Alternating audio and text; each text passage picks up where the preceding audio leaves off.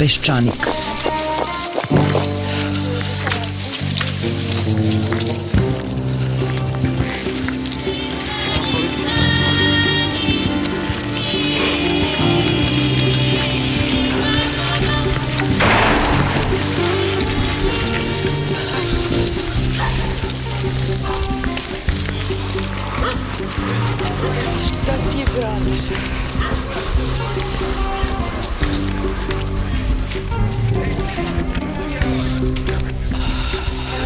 Peščanik.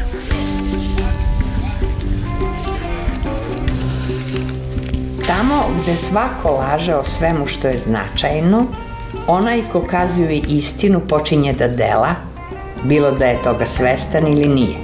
Tako se i on upliče u političku delatnost, jer u slučaju da preživi što nije sigurno, on započinje promenu sveta.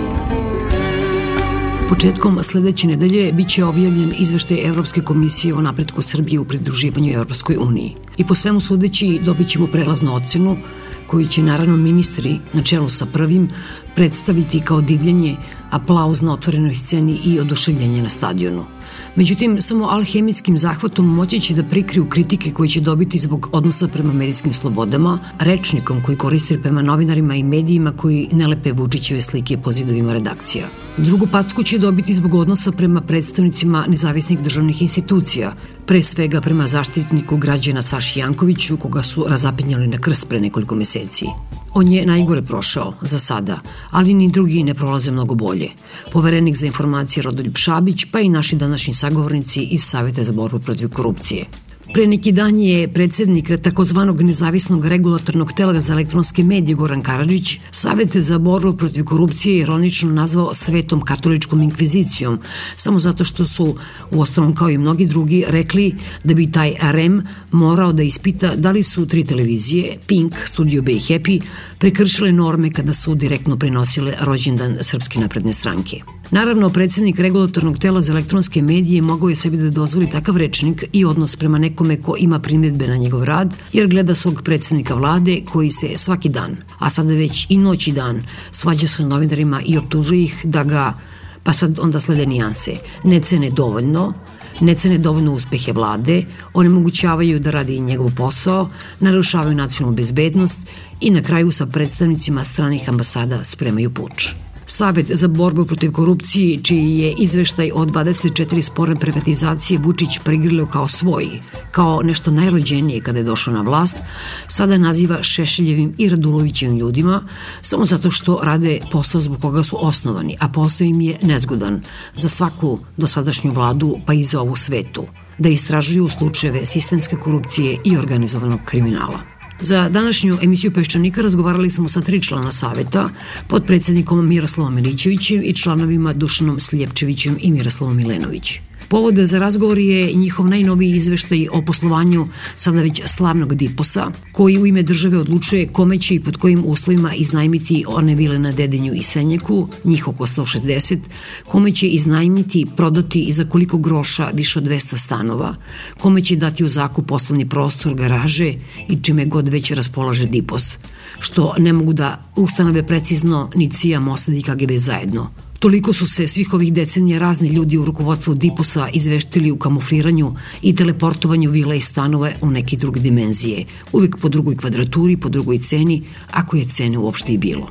Mi smo na svom sajtu, sajtu peščanik.net, objavili ceo izveštaj sa sve sad već čuvenim spiskom stanara, vila, stanova i poslovnih prostora – jeste da smo nas svašta naučili, na mnogo toga oguglali, ali ipak kada vidite ko sve godinama sedi po tim kućarinama i stanovima, koliko duguju na ime zakupnine, tačnije vidite da je nikada nisu ni plaćali i da ih zbog toga niko nije iseljavao, onda vam dođe da iskučite iz kože zbog tolikog stepena osionosti i beskrupoloznosti. Naravno, ključno je pitanje ko im sve to i zbog čega dozvoljava. Pre nego što smo počeli priču o ovom izveštaju o poslovanju Diposa sa našim sagovornicima iz Saveta za borbu protiv korupcije, razgovarali smo o tome da li je ova vlada i da li su ostale prethodne vlade ikad razmatrale nalaze iz izveštaja svog savjetodavnog tela. Čućete najpre potpredsednika Saveta Miroslava Milićevića, potom Dušana Slijepčevića i Miroslava Milenović. Kada je Savet oformljen 2001.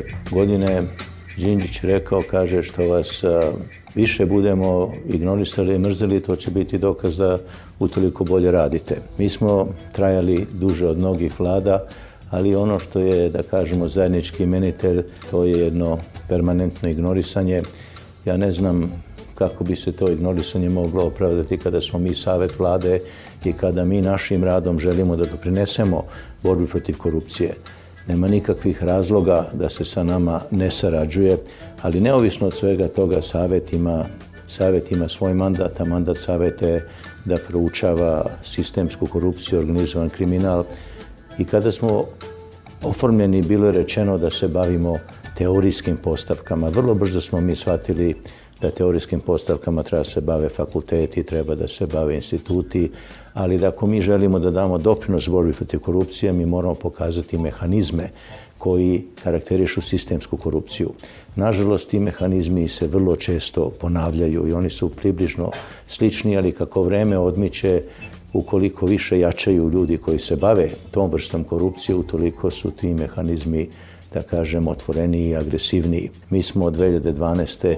pored onih 24 izveštaja dali još 20 izveštaja. Naše je da ukažemo na mehanizme, da ukažemo na potencijalne koruptivne radnje, a postoje institucije sistema koje treba na to da reaguju.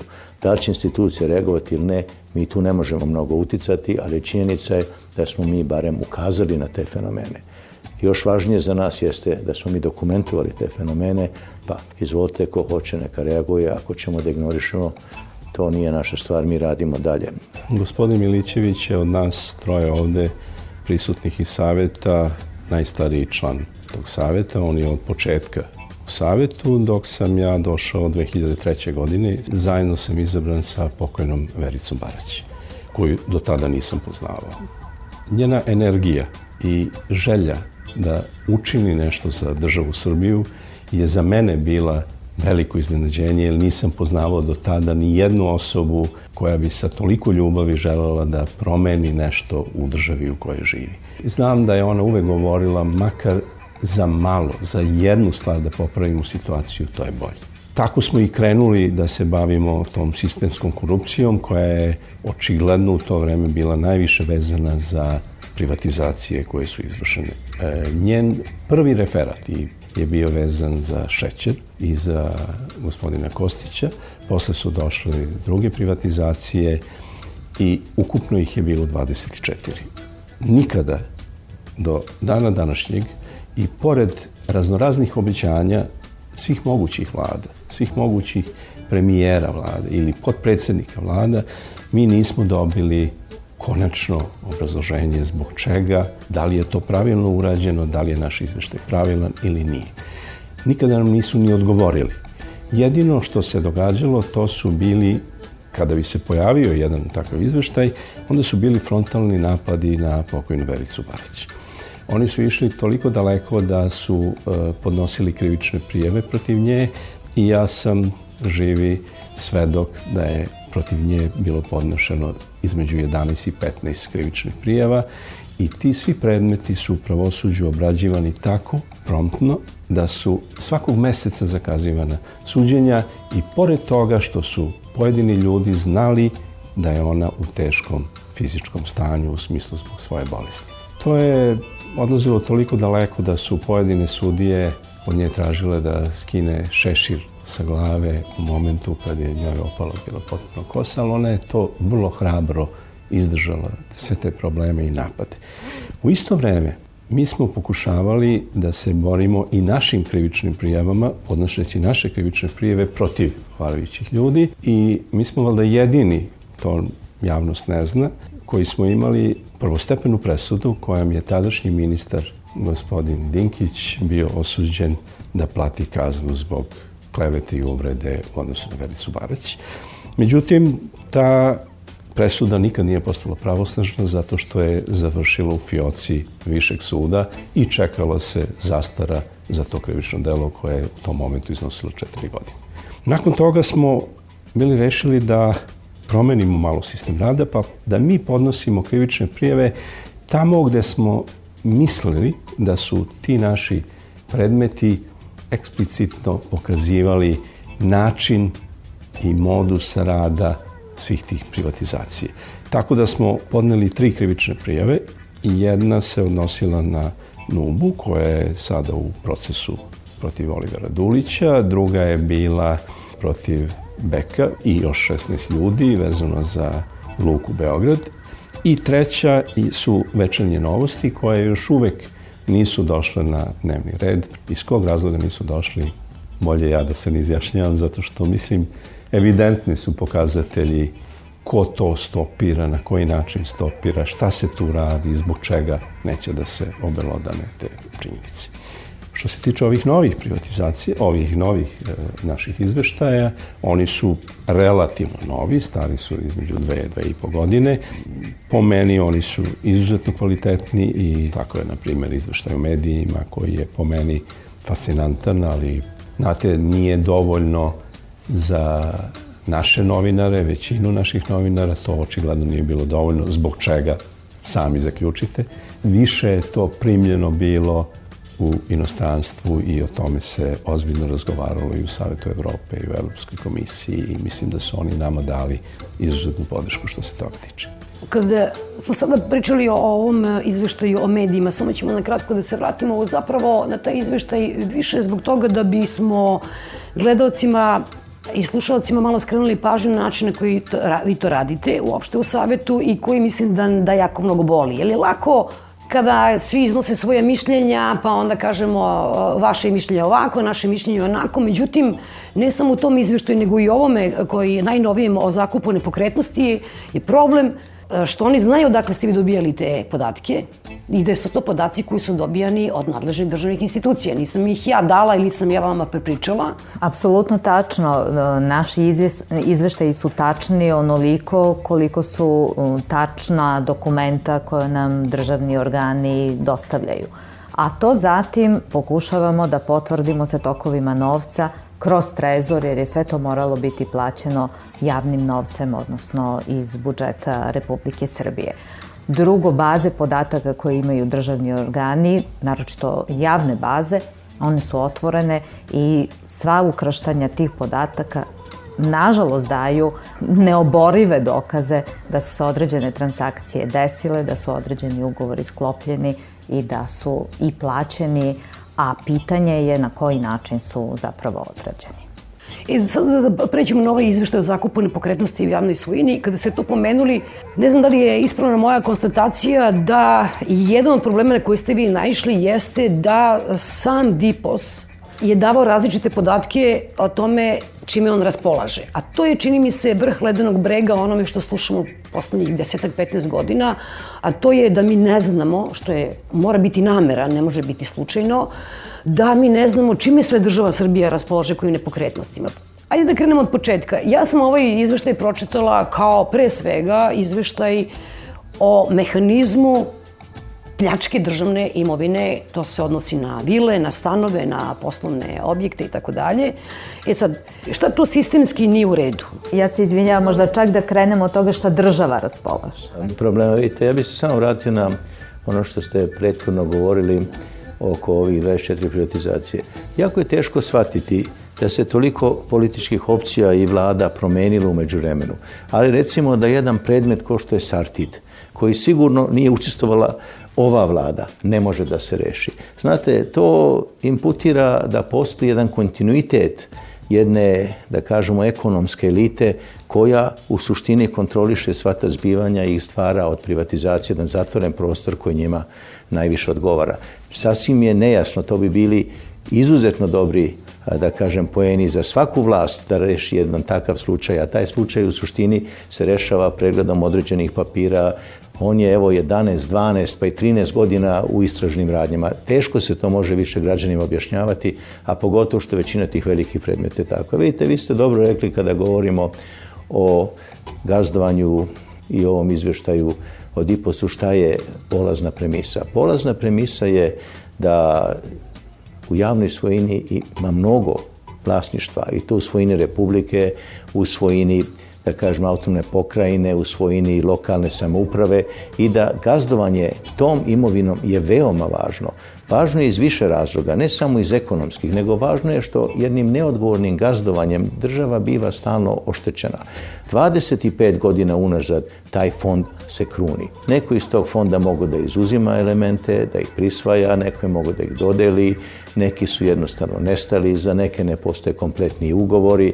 Prema tome, to sve govori o jednoj situaciji gde možemo sasvim odgovorno reći da je gazdovanje bilo neodgovorno. Mnogo ima elemenata tu koji su bitni, o njima ću možda kasnije razgovarati, a to je usklađenost propisa, drugo, to su neki interni pravilnici koji se koriste, ali sve u svakom slučaju se radi tako da postoji privid da je to dobro rađeno, a svi u suštini znaju da tu postoji jedan veliki broj mahinacija i manipulacije, svi znaju neke ljude koji žive u tim kućama i tim stanima, ali o tome niko nije hteo javno da govori. Mi smo smatrali da je situacija takva da, pošto ne može da se utvrdi ni tačan broj jedinica, da je vreme da se ozbiljno pozabavimo ovim problemom i da signaliziramo gde su to problemi, ali nismo mi samo signalizirali gde su problemi. Mi smo državi sugerisali i deset preporuka kojima se mogu prevazići ti problemi. Znate, nije savet tu samo da pravi senzacije, da o nečemu priča. Mi želimo da sagledamo fenomen i kad sagledamo taj fenomen, mi dajemo i neka viđenja, neke preporuke koje mislimo da će pomoći da se izađe iz tog problema. To je značaj naših e, izveštaja. U redu je to, ja potpuno razumem, vi ste ozbiljni ljudi i ovo je na ozbiljni način napravljeno, a ovo je samo po sebi senzacija, ne znaš šta da vam kažem. Senzacija je činjenica, dakle, da peške neko da je krenuo po Beogradu, on bi pobrojao i mogu da pobroji da li je to 201 ili 203 vile, odnosno 160 i nešto vila, 200 i nešto stanova.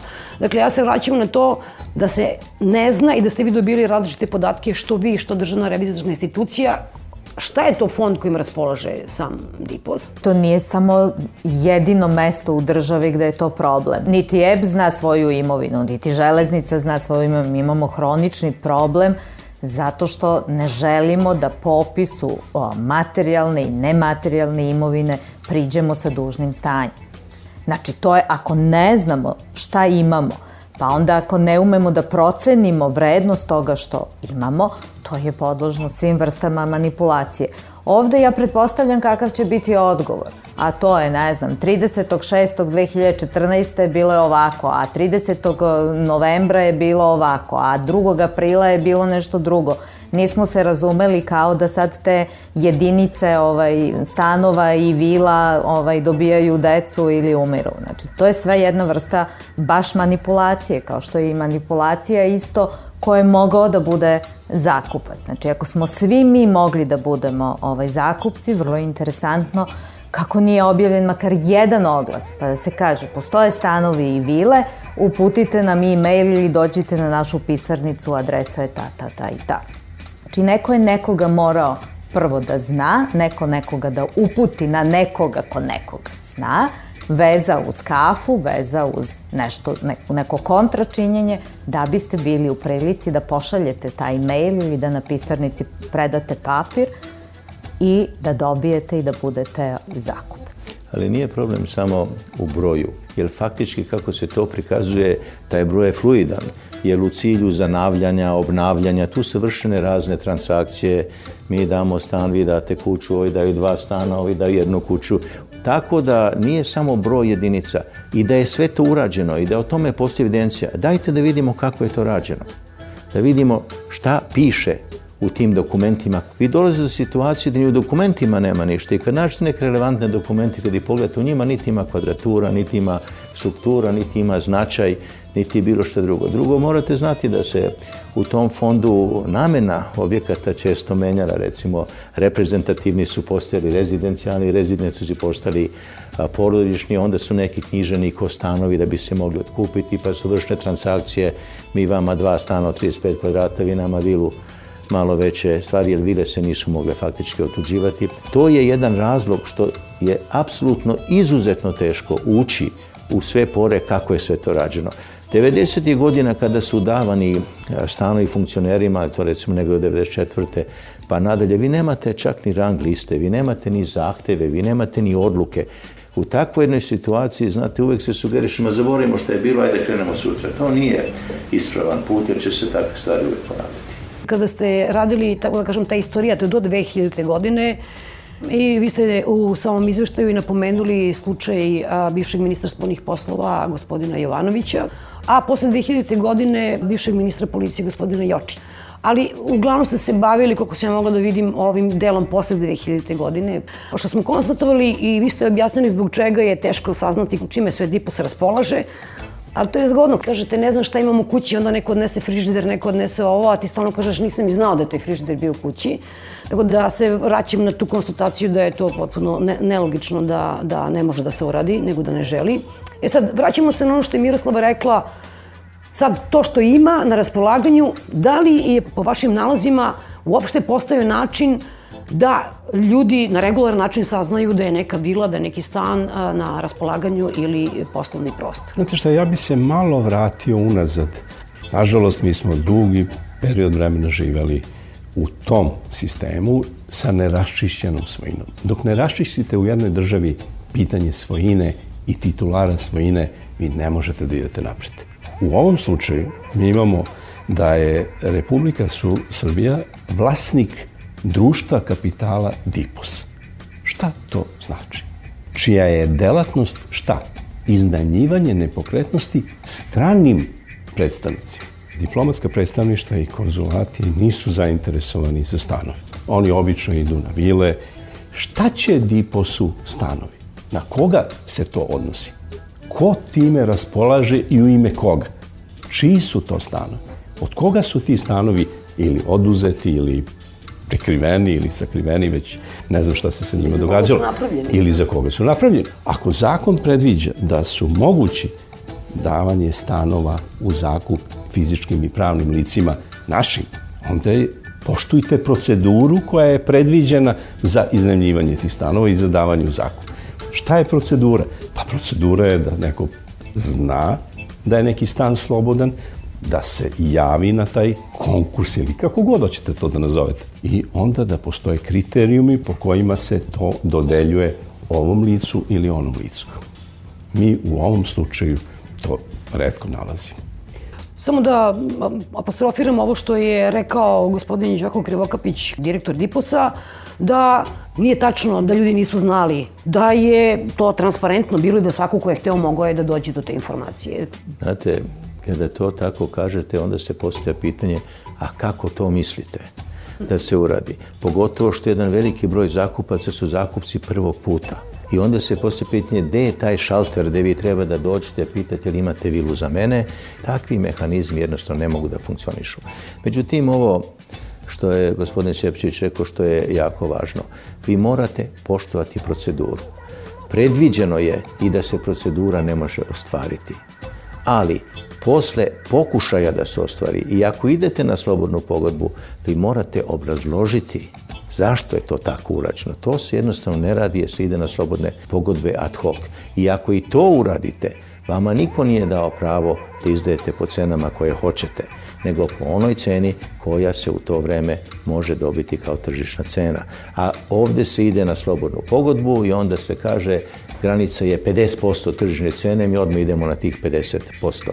Shvatite, e, taj fond je veoma raznolik. Ali onog momenta kada dođe do toga da ja dam stan, vi uzmete kuću, to strašno liči na ono šibicarenje. Znate, ne znate da je kuglica i ko je šta dobio. I kada poredite te kvadrature, vama se kosa diže na glavi od toga šta su ljudi mogli za koje pare da kupe. Znate, to kada se jednom uradi, to postaje strašan problem jer onda to svi vide, to je stvarno ona vrsta bogaćenja koja najdepresivnije deluje na naše mlade generacije koji treba da veruju da se radom, strpljenjem i nečim može doći do nekog maternog dobra. Većina ljudi ne može rešiti ni stambeno pitanje sa jednim sobom ili pravimo stanove za mlade ljude, za mlade stručnjake, a ovde neko dođe pa za neke sitne pare malo iznajmi, po roku od mesec dana se promeni namena i kupi recimo jednu nekretninu koju ni na koji način nije zaslužio. Konstatovali smo da ne postoje podaci precizni s koliko toga raspolaže DIPOS. Da nije bilo načina da svi građani na ravnopravan način dobiju informaciju da li je nešto na raspolaganju, da li mogu nešto da iznajme ili ne. Idemo dalje. To je cena pod kojima su one iznajmljivane. Ja nemam dovoljno ovih boja od ovih flomastera da podlačim te stvari koje tako ludački zvuče, da je Dipos procenio da recimo vila od 400-500 kvadrata košta 15.000 evra. Da stan, dva stana koja su od 100 kvadrata vrede 2500 evra. Šta to znači? Da li na osnovu te procenjene vrednosti onda oni iznajmljuju, pa je onda, tko zna, iznajmljivanje kad vrata 0,1 evro, ili ne znam kako oni to računaju. Miroslav, pomocite nam malo da vidimo šta je tu Pa, nelogično. Vrednosti o kojima pričamo, to su vrednosti koje su se nalazile u knjigovodstvenoj evidenciji DIPOS-a. I svaki put kada bi se mi dopisivali sa njima, mi smo dobijali različite podatke. Sad kada govorimo o ciframa i o sabiranju i oduzimanju, nešto što je za mene onako najindikativnije ovde je da su postojali zakupci koji nisu plaćali svoje zakupnine, da se to tolerisalo do te mere da su oni ponovo zaključivali određene ugovore iako su dugovi nisu bili izmireni i oni su postojali. Dipos će reći da je on učinio sve sa svoje strane zato što je utužio te zakupce, ali se postavlja pitanje i kada ih je utužio i posle kog vremena i da li je logično kada vam neko duguje, kada vidite da par godina ne možete da naplatite zakupninu, da ponovo ulazite u isti odnos. Zatim, bilo je puno takozvanih kompenzacionih poslova. Ti ćeš da renoviraš taj stan ili tu vilu, a ja ću da ti oprostim taj neki zakup, ali ćeš ti da proceniš koliko je tvoje ulaganja, ja ću da klimnem glavom. Ima zakupaca gde može da deluje na prvi pogled da je stvarno ekonomska cena zakupa ali najčešće se tu onda i radi o stranim predstavništvama, komorama ili udruženjima i tako dalje. Ima primera gde stvarno može da se vidi da na vrlo sličnoj lokaciji sa identičnom kvadraturom dva različita pravna lica, jedan kao predstavništvo stranog lica, a jedan kao domaće lice, imaju razliku od 3 do 4 puta u visini zakupnine. Da idem još dalje, oni koji su dobijali u zakup te stanove, neki su uspeli čak i da se uknjiže. Znači, to je neka gimnastika koja je potpuno neverovatna, prosto ne možete da verujete šta se to tu sve izdešavalo da su oni od zakupca mogli da postanu vlasnici. Ipak ne treba da zaboravimo da je u Skupštini prošao zakon koji bi svima njima koji su u stanovima kao zakupci omogućio da po privilegovanim ovaj, cenama postanu i vlasnici. To baca još jedno možda teže ovaj, svetlo na ovaj izveštaj. Da samo da podsjetim da je taj zakon prošao u Skupštini, očigledno i vladu, da je posle toga intervenisao predsednik Nikolić i da je on povučen iz procedure, međutim intencija je vrlo važna da se samo podsjetimo da se to odnosilo samo na one ljudi koji su bili zakupci do 1. januara 2015. godine. Znači, ovi taknuto maknuto, ovi koji su tu mogu da učestvuju. Profesor Milićeviću, samo još jednom da se vratim na te cene. Zbog čega neko proceni vrednost stana na 2500 evra ili vilu od 400 kvadrata na 15.000 evra. Šta je njegova intencija? Da ga otkupi neko jednog dana za tu cifru ili da bi mu smanjio zakupninu? Da vam dam još jedan primjer prema što odgovorim na to. Ako pogledate ukupan prihod Diposa, 64% prihoda dolazi od iznajmljivanja diplomatskim predstavništima, to je svega 20% ugovora, a oko 35% kvadrata. Prema tome jasno se vidi gde se ostvaruje taj promet. Pre nego što odgovorim još da vam kažem, postoji jedna grupa stanova koji su u lošim mestima, koji definitivno nisu interesantni za diplomate, koji će se teško izdati i postoji se pitanje šta će te nekretnine Diposu. Koja je svrha smanjivanja vrednosti? Pa sami ste rekli svrha da se može jeftinije izdati i druga svrha jeste da se može, ako se može odraditi ta igra, da se otuđi, da se što jeftinije otuđi. Međutim, mi moramo na ovom mestu još nešto naglasiti. Nije Dipo zadužen samo da izdaje. On je zadužen da održava. On je zadužen da brine o tom fondu. Kako dođemo do toga da recimo nekim bravurozama se tako bezvredni nešto što pripada ovoj državi. Te stvari se ne rade iz nehata i ne rade se iz neznanja. Ako se radi iz neznanja, onda Bog nam pomogao ko radi na tim mestima. Te stvari se rade uvek sa tendencijom. I to je ono što nas najviše brine. Taj fond se teško zanavlja, ali se vrlo lako kruni. Ali kada pogledate realno pravo, da kažemo, rasturanje tog fonda je bilo 90. godina, gde ste videli, se sećam tačno sa 30 nešto hiljada kvadrata je praktično nesote oko 60 miliona evra. Mi želimo ovim putem da krenem, kad god komuniciramo sa novinarima, mi imamo jedan problem. Svi hoće jedno ime, dva imena. Ne interesuje nas ni jedno ime, ni dva imena, ni pet imena, pa neke naj važnija glumica na svetu i najlepša i najcenija političar. Nas interesuje da u ovoj zemlji može posjeti mehanizam koji na ovaj način siromaši ovu i ovako siromašnu zemlju. I mi hoćemo da taj mehanizam prestane. U tom lancu je Dipos taj koji je neposredno iznajmljivao stanove, vile, garaže i šta god imao. Međutim, vraćamo se ponovo na Republičku direkciju za imovinu. Ona je ta koja kontroliše DIPOS. Koliko sam videla po vašem izveštaju, oni ništa nisu radili, oni su po automatizmu, šta god DIPOS donese odluku, koliko god bila sumanuta i bezobrazna, oni su to prosto pokrivali svojim potpisima. Vraćam se na to da je direktor direkcije za imovinu čovek koji je bio advokat gospodina Beka. Znači, govorimo o ljudima koji su vezani za ovu spornu privatizaciju Luke Beograd, jel? Ali mimo toga, kako da snosi odgovornost Republička direkcija za imovinu? Ona je kriva, ona je sve to dozvolila negde ili stavljala taj paraf konačni. Po nekoj moje proceni mislim da je najkrivlji deo je u rukama direkcije zato što je ona ta koja daje saglasnost da se neki stan ili vila izda u zakup i da se zaključi ugovor sa korisnikom tog stana ili vile. Dakle, da bi došli do toga, morala da prođe neka procedura u DIPOS-u. Posle toga je direktor DIPOS-a trebao da da svoje mišljenje paraf da je taj ugovor u redu. Oni dostavljaju, obaveštavaju Republičku direkciju za imovinu, koja na pamet, samo na osnovu reči ljudi iz Diposa, samo na osnovu toga što im Dipos dostavlja molbu navodnog korisnika koji je do te molbe došao na onaj način na koji smo malo pre razgovarali, garantuje da će on ispunjavati uslove iz ugovora. Na kraju krajeva je taj Dipos, ona ne sme da bude vlasnik nekih stanova. On je sam sebi dao stan ili kupio stan. Šta je radio? O tako? Ima primjera. Ima Pa primjera, da. Ne, ne, to je skraćena procedura, zgodno je to, brzo pa, je, ali- Zgodno je, zgodno je kad niko neće. Odnosno, svi smo mogli, ali nismo hteli, a onda su oni, da. pa onda su... Ali isto tako i ova direkcija, pitanje je čime ona gazduje i čime ona upravlja. Ona ne gazduje i ne upravlja samo ovim delom koji je poverila Diposu da izdaje ovaj, u zakup.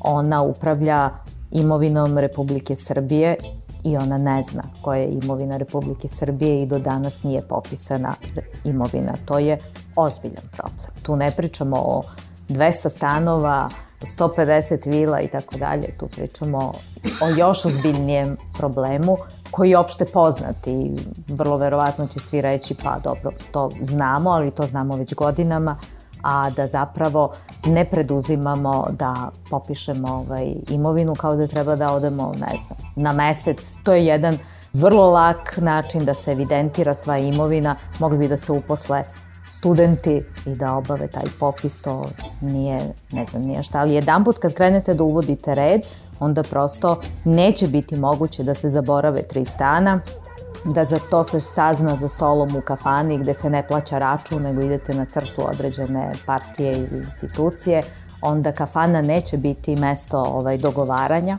nego ćemo to preseliti negde drugde, a to je očigledno nešto što nikome ne odgovara. Ali vidite, ima još jedan element tu koji je bitan kada govorimo o direkciji.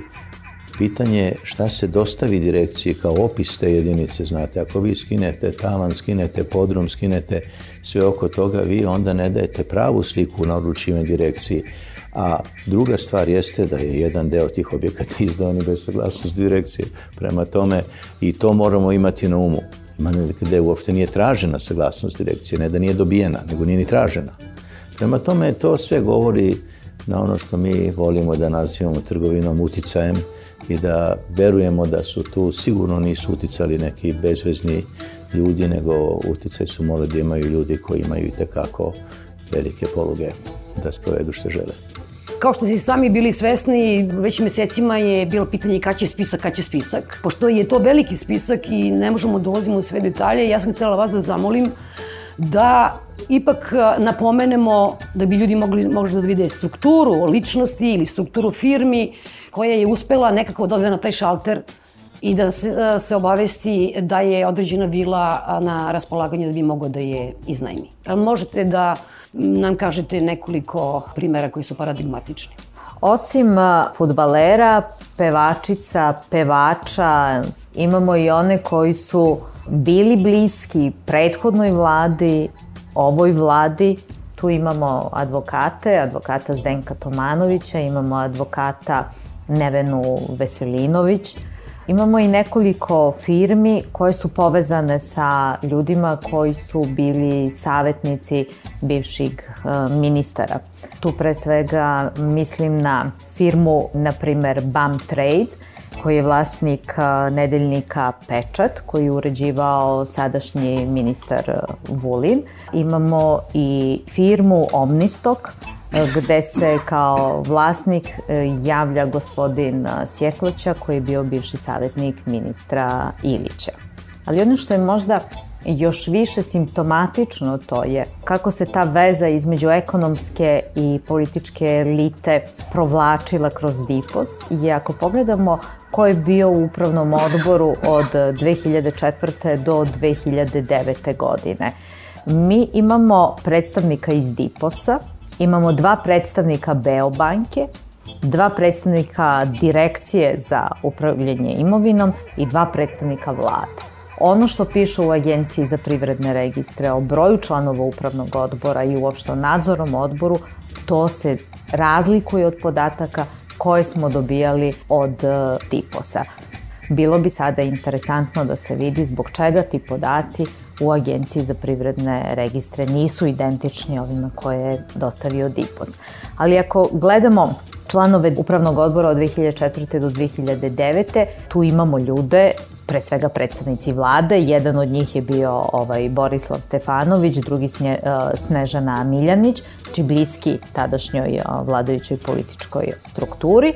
Pitanje oko toga zašto predstavnici Beobanke bio bi interesantan odgovor, a mislim da taj odgovor seže tamo negde u 90. godine i možda nam daje objašnjenje i zbog čega je tolika količina kvadrata otuđena na, za sada, za nas, nepoznat način. A ako gledate spisak i on je integralni deo našeg izveštaja, upravo zato što se mi stvarno nismo bavili imenima, nama to stvarno nije bilo važno, da li je neko direktor nekog javnog preduzeća, mi smo u našem izveštaju pomenuli da je i Nikola Petrović, direktor elektromreže Srbije, bio te 2014. kad smo dobili podatke od IPOS-a zakupac, ali sam potpuno sigurna da to nije jedini direktor ili član uprave nekog javnog preduzeća koji je bio ovaj zakupac. Tu ima najrazličitijih imena kako iz politike, tako i iz estrade, ali uglavnom onih koji su ovaj, znali gde je pisarnica. Pomenuli ste uh, direktora elektromreža gospodina Petrovića, da podsjetim na nedavnu aferu prisluškivanja ili navodno, kao god hoćete. Gospođu Nevena Veselinović, supruga Gorana Veselinovića, visokog funkcionera Srpske napredne stranke, koji ima neverovatno moćne klijente. Drugo, tu je onaj gospodin Muhamed Jusuf Daklan, kome je aktualna vlada dala državljanstvo njemu i sviti celoj nedavno. Tu ima ta famozna Evropska ekspertska grupa i gospodin Bulatović koji je uhapšen pre nekoliko godina, oštetio je banjalučki budžet za 200.000 evra. Tu je onda taj gospodin Žarko Pavlović, biznismen iz Kruševca, Međutim, ono što meni je zanimljivo, ima nekih ljudi kojima bih ja dala srednje ime izvesni. Izvesni Nenad Aleksić duguje 377.000 dolara, pa onda izvesna Dušica Lučić i Tatjana Ristić duguju 209.000 evra. Pa izvesni Dejan Milovanović duguje 200.000 evra skoro. I tu dolazimo do onoga da li je realan dug o kome oni govore uz Diposa da se njima duguje samo pola miliona evra. Očigledno da nije realan dug, jer čim imate dug koji se provlači godinama, oni prema međunarodnim računovodstvenim standardima bi trebao da se otpiše, odnosno da se uradi ispravka vrednosti. To je jedna stvar. Druga stvar, da li je sve utuženo. Ali možda pitanje nad svim pitanjima je za Poresku upravu ko su ti građani i da li su platili porez na dohoda građana, makar za tu sumu koju su plaćali zakup ili trebali da plate zakup, ili su bili obavezni da plate zakup, ili su unapred znali da te pare nemaju, pa pričamo o prevari, ili o, o dogovoru da nešto bude za džabe.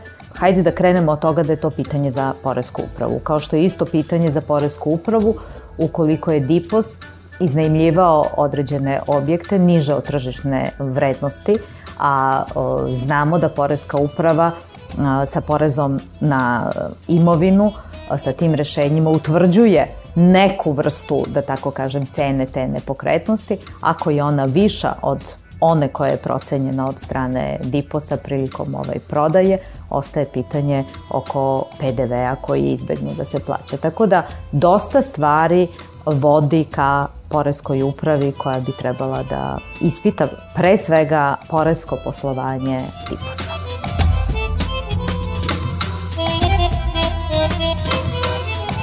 Nije dobro kada idemo putem da samo ređamo imena. Nije cilj da sve te ljude stavimo pod neki znak sumnje. Ima ljudi koji su plaćali realne cene, ima ljudi koji su iznajmili te stanove. Vidite, po važećem pravilniku i nije zabranjeno bilo izdavati te stanove pravnim fizičkim licima. Pitanje je kako je to rađeno, ali to ne znači da su svi oni koji su iznajmljivali te jedinice kršili zakon ili bili potencijalno koruptogeni. Suština je ovo što je Miroslava rekla, a to je da je Dipos bio dužan da reaguje kada renta nije bila plaćena, jer svrha izdavanja jeste da se pribavi zarada za državu, a ne da stoje i da propadaju određeni objekti. Potpuno razumem taj pristup, ali evo pokušajte da imate u vidu i pristup mene ko ovog momenta glumim javnost, širu neku javnost. Znači, za mene je naravno važno i da vidim da li su aktuelni ili bivši ljudi koji su važni za ovu državu, koji su obavljali razne državne funkcije, kako su oni saznamili, smo shvatili i po vašem izveštaju da je mora biti na neki način koji nije baš bio regularan. S druge strane me zanima da saznam kakav je moralni lik nekoga ko rukovodi javnim preduzećem ili nekoga ko je blizak aktualnoj ili bivšoj vladajućoj garnituri. U tom smislu postoji interesovanje, kao što postoji interesovanje, prostite, ja bi, ako gledam spisak, ja kažem, jo, da li je to onaj Buha što je bio ministar spolnih poslova Karadžiću i Mladiću? Neka plaća on sve to i neka je to regularno. Vola bi da znam da li je to taj Aleksa Buha ili da li je ta gospođa koja je razgovarala sa Arkanom o tome kako treba upasti u Sarajevo, da li ona to dobila? Mislim da je značajno da se zna, ali razumem potpuno vaš pristup i neću se vraćati dalje na imena, zato što prosto vidjet će ljudi spisak koji ste vi objavili, mi smo ga objavili na sajtu, ko hoće neka gleda, ako može uopšte nešto da sazna.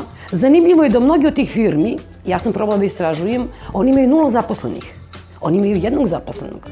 Dakle, i to me upućuje na činjenicu da tu stvari nisu sasvim u redu. Ali ono što je e, sada važno na kraju ovog razgovora, vi ste, kao i u mnogim vašim izveštajima, napisali i dali predloge vladi.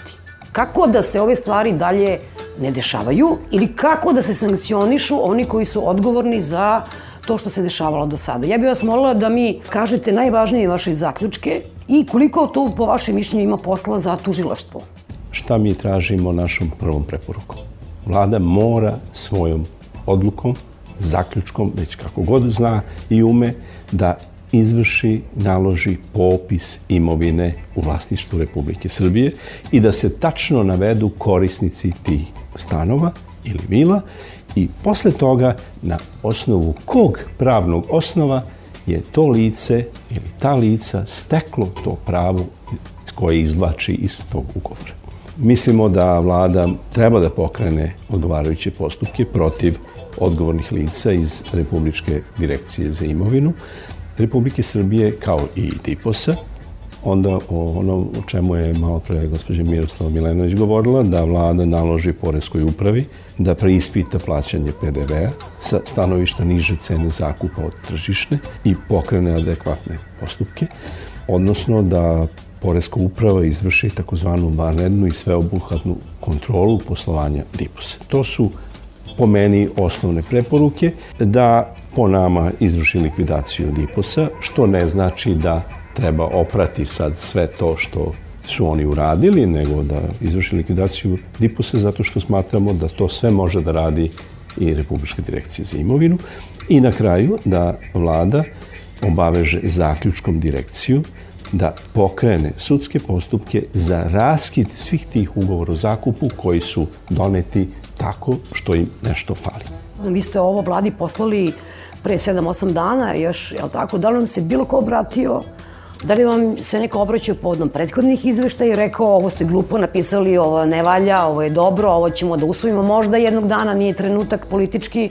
Da li se, se makar sretnete u hodniku, pošto ste vi u vladi ne takođe u sećamo se Nemanji? hodniku, mi smo na nižim spratovima, ali poenta je da za svo ovo vreme ja mogu da se setim da smo možda dva ili tri puta u prošlosti razgovarali sa predstavnicima vlade oko nekih ranih izveštaja kao što je bio šećer, gde je bilo 150 ljudi prisutno o Sartidu, to nisu bili ni prijatni razgovori.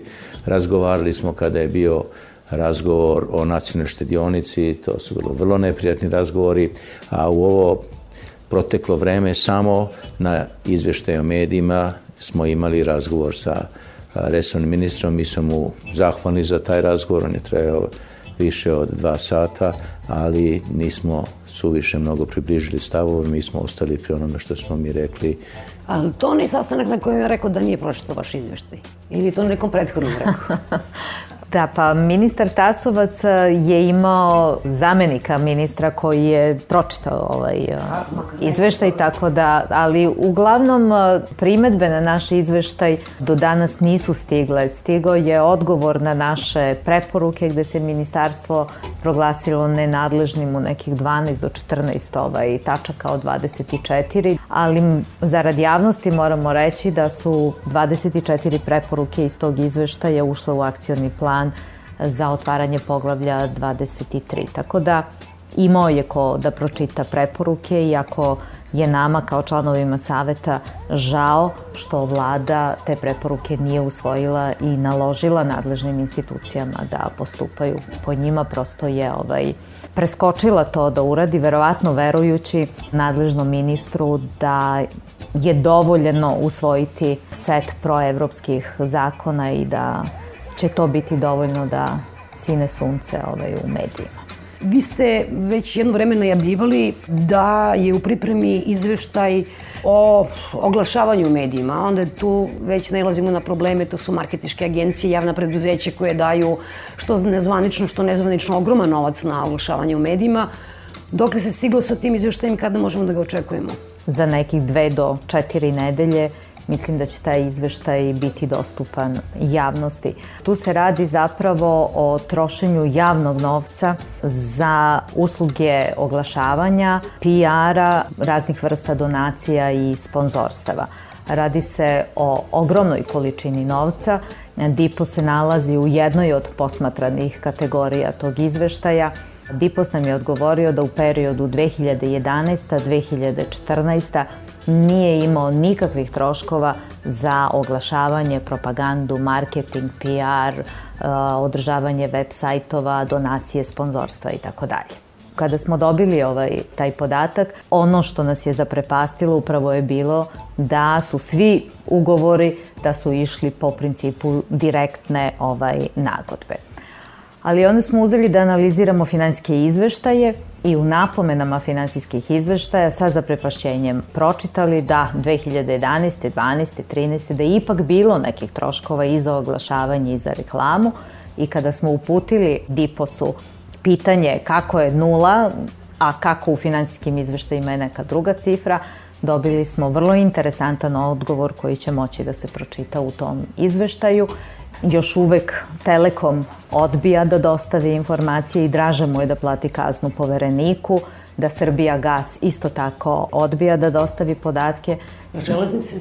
Železnice su dostavile, da. Železnice, informatika iz Novog Sada, Telekom i Srbija gas i Ministarstvo inostranih poslova i moram da kažem delimično i vlada Republike Srbije i još uvek tvrdoglavo odbijaju da dostave sve podatke, ali ja se nadam da u narednih nedelju, dve, možda uspemo da dobijemo i te podatke. Za potrebe ovog izveštaja preko 50 puta smo morali da pišemo povereniku i to je stvarno strašno da kada radite izveštaj o trošenju budžetskog novca koji je povezan sa ovaj, medijima i sa oglašavanjem, sa sponzorstvom, donacijama, mi kao vladino savjetodavno telo smo morali toliko puno puta da se obratimo povereniku.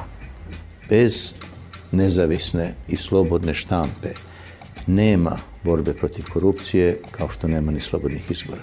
Ja, mi smo se pre manje od 24 sata vratili iz Brisla gde smo u Savjet Evrope učestvovali u konferenciji, Speak Up konferenciji, gde je tema bila uh, mediji u Zapadnom Balkanu i Turskoj. Tome je predsedavao gospodin Han, to je bio ženski koji je komisa, komesar za ljudska prava, to je bio potpredsednik Evropskog parlamenta ono što je jasno stavljeno do znanja, dok se ne reši problem medija i dok se ne reši problem slobodnih medija, neće biti nikakvih pokušaja ozbiljnog približavanja Zapadne Evropi. Nažalost, mi smo doživeli da ovo proteklo vreme stanje u medijima se pogorša. I ne treba uvek grešiti da su svi ti aspekti e, stvar cenzure vlasti.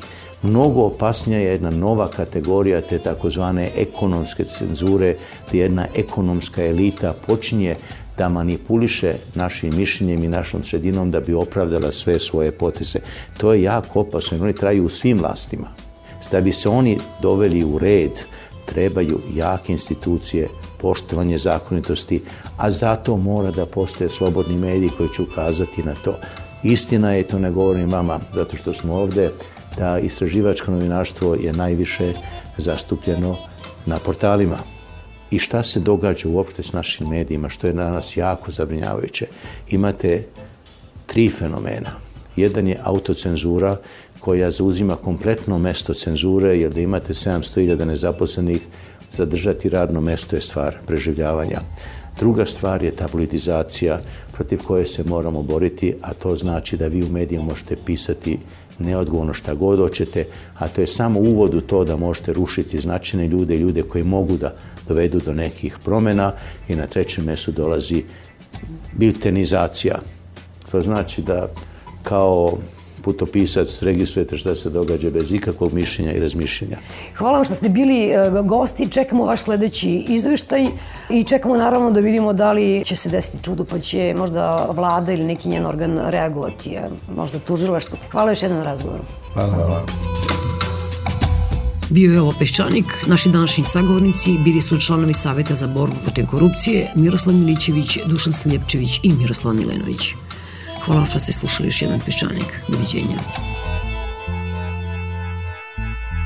Peščanik.